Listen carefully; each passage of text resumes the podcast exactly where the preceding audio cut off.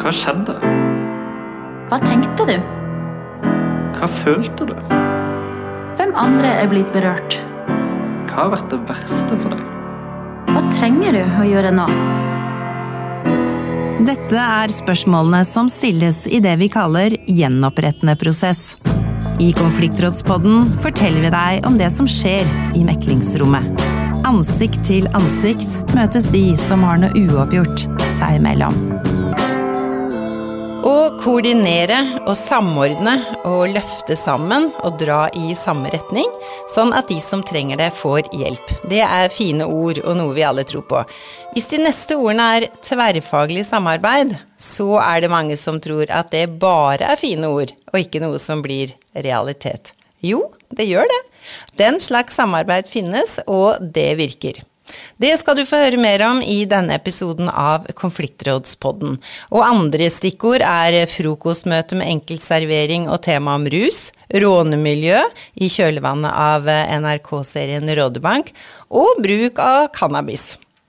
Jeg heter Gro Jørgensen og har med meg to som skal fortelle alt, eller iallfall det som er viktig å vite om SLT-modellen og hvordan den fungerer i praksis. Det er Sekretariatet for konfliktrådene som har det nasjonale ansvaret for eh, faglig oppfølging og støtte til SLT-samarbeidet i kommunene. Og Knut Skedsmo, som SLT-rådgiver, så er det vel du da som har kontakt med de 180 eh, koordinatorene på landsplan? Ja, det har jeg. Det betyr ikke at jeg har kontakt med de hele tiden, men eh, vi prøver så godt vi kan å følge de opp på en god måte. Vi har med oss eh, en av de 180 eh, her også, Indira Derviskavic. Hallo, ja. Du er SLT-koordinator i Vennesla kommune. Og Kan ikke du fortelle oss litt om den kommunen, så får vi plassert den på kartet? Mm. Vennesla det er nabokommune til eh, storbyen Kristiansand. Det er ca. 16 000 innbyggere. Mm. Nå har jeg brukt forkortelsen SLT, og før jeg gjør det en eneste gang til, så skal du Knut få si hva de tre bokstavene står for. De står for samordning av lokale rus- og kriminalitetsforebyggende tiltak. Og Hvis du skulle gi oss litt mer kjøtt på beinet, hva går eh, SLT-modellen ut på? Hva er formålet? Ja, modellen er jo å sikre at de ressursene som finnes lokalt i kommunen, i politiet, på, i frivillig sektor og gjerne også i næringslivet, blir mer samkjørt og målrettet. Og det handler mest om at den ene handa veit hva den andre gjør. Knut, du har det nasjonale ansvaret, men det er sånne som deg, Indira, som sørger for å sette modellen eh, ut i livet. Kan du gi oss eksempler på hvordan du jobber? Eh, altså, jeg kan eh, kanskje begynne med dagen i dag. Eh, når jeg eh, kom på jobb, så starta jeg jo dagen eh, på Nav-kontoret. Der hadde jeg eh, et innlegg til Nav-ansatte om radikalisering og voldelig ekstremisme. Der fikk de lært mer om fenomenet, og mer om tegn og symptomer, og hva de skal gjøre hvis de får mistanke, eller hvis de får noen bekymringer. det er en del av jobben. Eh, men jobben består av veldig mange, eh, mange ting. Hmm. I veileder og plan for SLT-arbeid i Vennesla så har jeg lest at det står Vennesla skal være et godt og trygt sted å vokse opp for alle. Det kan man jo si er et, eh, et hårete mål. Mm. Dermed trenger vi noen eksempler fra din kommune på hvordan dere jobber mot det målet. Kjernegrupper f.eks. som skal gjelde unge fra 0 til 21 år. Hva er det? Eh, kjernegruppe det er en lavterskeltilbud eh, som vi tilbyr alle barn eh, i kommunen, i barnehagene og skolene opp til 21 år. Når vi er bekymra for barn, så har vi ansvar, hvis selvfølgelig de samtykker og ønsker, til å tromme sammen alle instanser i kommunen som kjenner familien og som kan yte hjelp. Og så skal vi sammen med familien finne gode løsninger og gode tiltak. Og den hjelpen skal gis innenfor syv dager, har vi sagt. Og da deltar ikke du som SLT-koordinator i selve kjernegruppa, men det er du som sørger for at uh, dette fungerer? Nei, uh, som SLT-koordinator så har jeg jo mer sånn pådriverrolle. Uh, at jeg passer på at de bruker det. Så er dere gode til å sette hårete mål i, i, denne kommunen. Det står bl.a. i kommunens handlingsplan ingen barn i Vennesla skal utsettes for eller leve med vold og overgrep. Mm. Hvordan skal dere få til det? Mm. det viktigste tiltaket er eh, faktisk eh, kompetanseheving eh, for alle som jobber med barn eh, og unge. Vi har inngått en avtale med RVT Sør, og alle eh, i vår kommune eh, skal vite hva de skal gjøre når de er bekymra for vold i nære relasjoner og for overgrep. Så her er det flere hundre ansatte som skal gå gjennom et treårig opplæringsløp, er det ikke sånn? Ja, det er jo nesten 700 eh, stikk, eh, og det er jo ikke lite. Og i tillegg har vi sagt at det er ikke bare ansatte, dette skal barn og unge merke.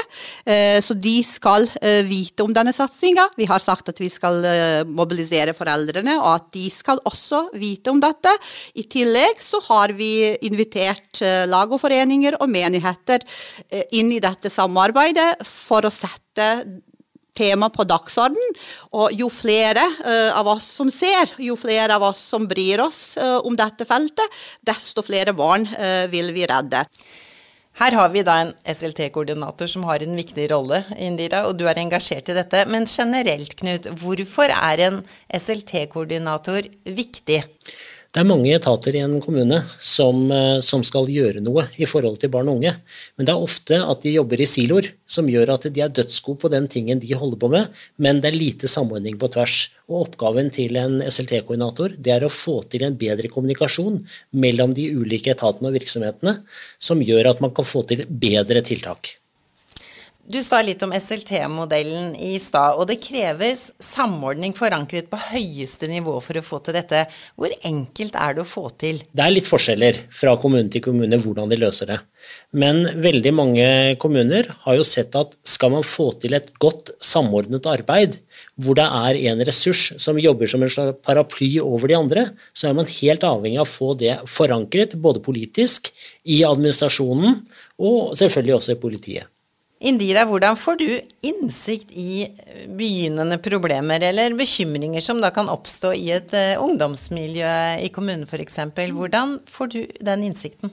Eh, det er mange ulike måter. Eh, ofte så er det etatene som melder ifra, som, som har oppdaga ulike problemstillinger.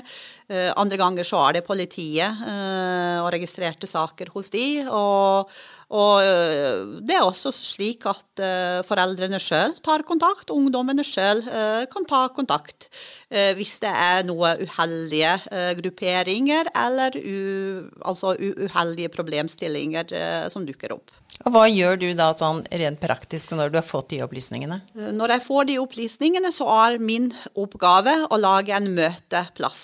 Og uh, få alle som kan bidra i forhold til den problemstillinga, uh, på møte, hvor en kartlegger situasjonen, hvor vi finner ut hva dette dreier seg om. Når vi har gjort det, så finner vi ut hva slags tiltak vi skal sette i gang, og ikke minst hvem gjør hva. Nå er det jo ikke alle kommuner som har satt av penger til å ha en egen eh, SLT-koordinator. Hva går de glipp av? Jeg tror jo de går glipp av denne samordningsfunksjonen. De går glipp av den som trekker i trådene, og som sørger for å få fremdrift. For én ting er at det skjer alltid utfordringer i en kommune, og det handler om å ta tak i de eh, og gjøre noe med det, rett og slett. Hva er den største utfordringen for å få til et tverrfaglig samarbeid, sånn dere ser det? Folk har fryktelig mye uh, i sine jobber, så det å få tida til å strekke til uh, og jobbe sammen systematisk over tid, uh, det er kanskje den største utfordringa. Mm. Jeg tror vel også at det er litt igjen på dette med å dele, altså dele mm. kunnskap. Altså at man, at man er Man synes man jobber go godt i sin virksomhet. Og, og, og, hvorfor i all verden skal jeg dele dette med nabovirksomheten? Jeg, jeg, tror det er eh, mye igjen på det å dele kunnskap, altså bli kjent og, og, sørge for å ta de ressursene man har i kommunen og legge de inn i en, en stor gryte og tenke at sammen er vi best. Det, det tror jeg ja, det er en utfordring. Nå har vi hørt om eh, det som skjer her i Vennerstad, iallfall noe av det. Um, Knut, kan du gi noen eksempler på andre kommuner der etatene jobber sammen om ulike problemstillinger? Ja, Indira snakket jo om menneskemøter. Altså Det var viktig at folk møtes og blir kjent med hverandre. Noen kommuner har jo startet det som heter frokostmøter. og Det handler jo om å invitere inn de som jobber med barn og unge, eh, og gjerne også frivillig sektor og andre etater og funksjoner, og si at eh, nå har vi et frokostmøte, dere kan få en liten matbit, dere kan få en kaffe, og så eh, arrangerer vi temamøter, f.eks. om rus eller taushetsplikt eller politireformen eller barnevernet eller hva nå det er. Og hva er formålet da? Form, formålet er at eh, mennesker, altså de som jobber, blir kjent med hverandre. De møtes, de kan prate sammen, eh, og de kan lære hverandre å kjenne. og Det gjør at det er mye enklere å ta kontakt med hverandre når man vet hvem man er, hvor man jobber hen. I starten av denne episoden så lovte jeg at vi også skulle snakke litt om denne NRK-serien Rådebank, og hva som har skjedd i etterfølgelsen av den. Når det gjelder råning, kan du si litt om hvilke tiltak og hvilke problemer det er eh, rundt råning, Knut? Ja, Først og fremst så kan vi jo si at eh, Rådebank, har, eh, den serien den har gjort at det har blitt en økning og interesse rundt dette med bilkjøring, motor osv. Så sånn. Mange kommuner har jo nå i, etter, etter, filmen sett at det kommer stadig ungdommer til kommunen i horder for å uh, møtes, snakke sammen osv. Og, og dette er en utfordring for kommunen. Det er en utfordring for beboerne, det er en utfordring for barna som lever der.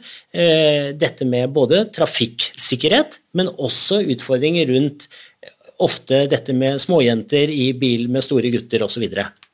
Eh, og mange, mange, kommuner de har jo tatt tak i dette. Eh, politiet er jo sentral, Statens vegvesen er sentral. Eh, utrykningsetatene er sentrale inn i dette for, også, for, å samarbeide om ressursene. Man tar kanskje også med frivillig sektor, hvor man har motorklubber osv. som engasjerer seg i dette for å også engasjere seg i den interessen. For hele poenget er jo å sørge for at disse ungdommenes oss interesse også blir tatt tak i, akkurat som idrett, musikk og speiding.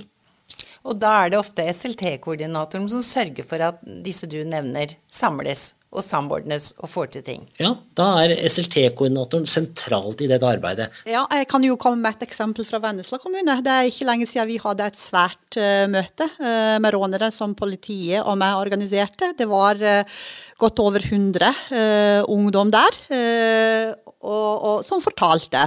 Eh, det som kom fram, eh, de var veldig modige, eh, og mange av de som kom på scenen, sa noe om at denne plassen ga dem tilhørighet. Så vi fikk en god dialog med de.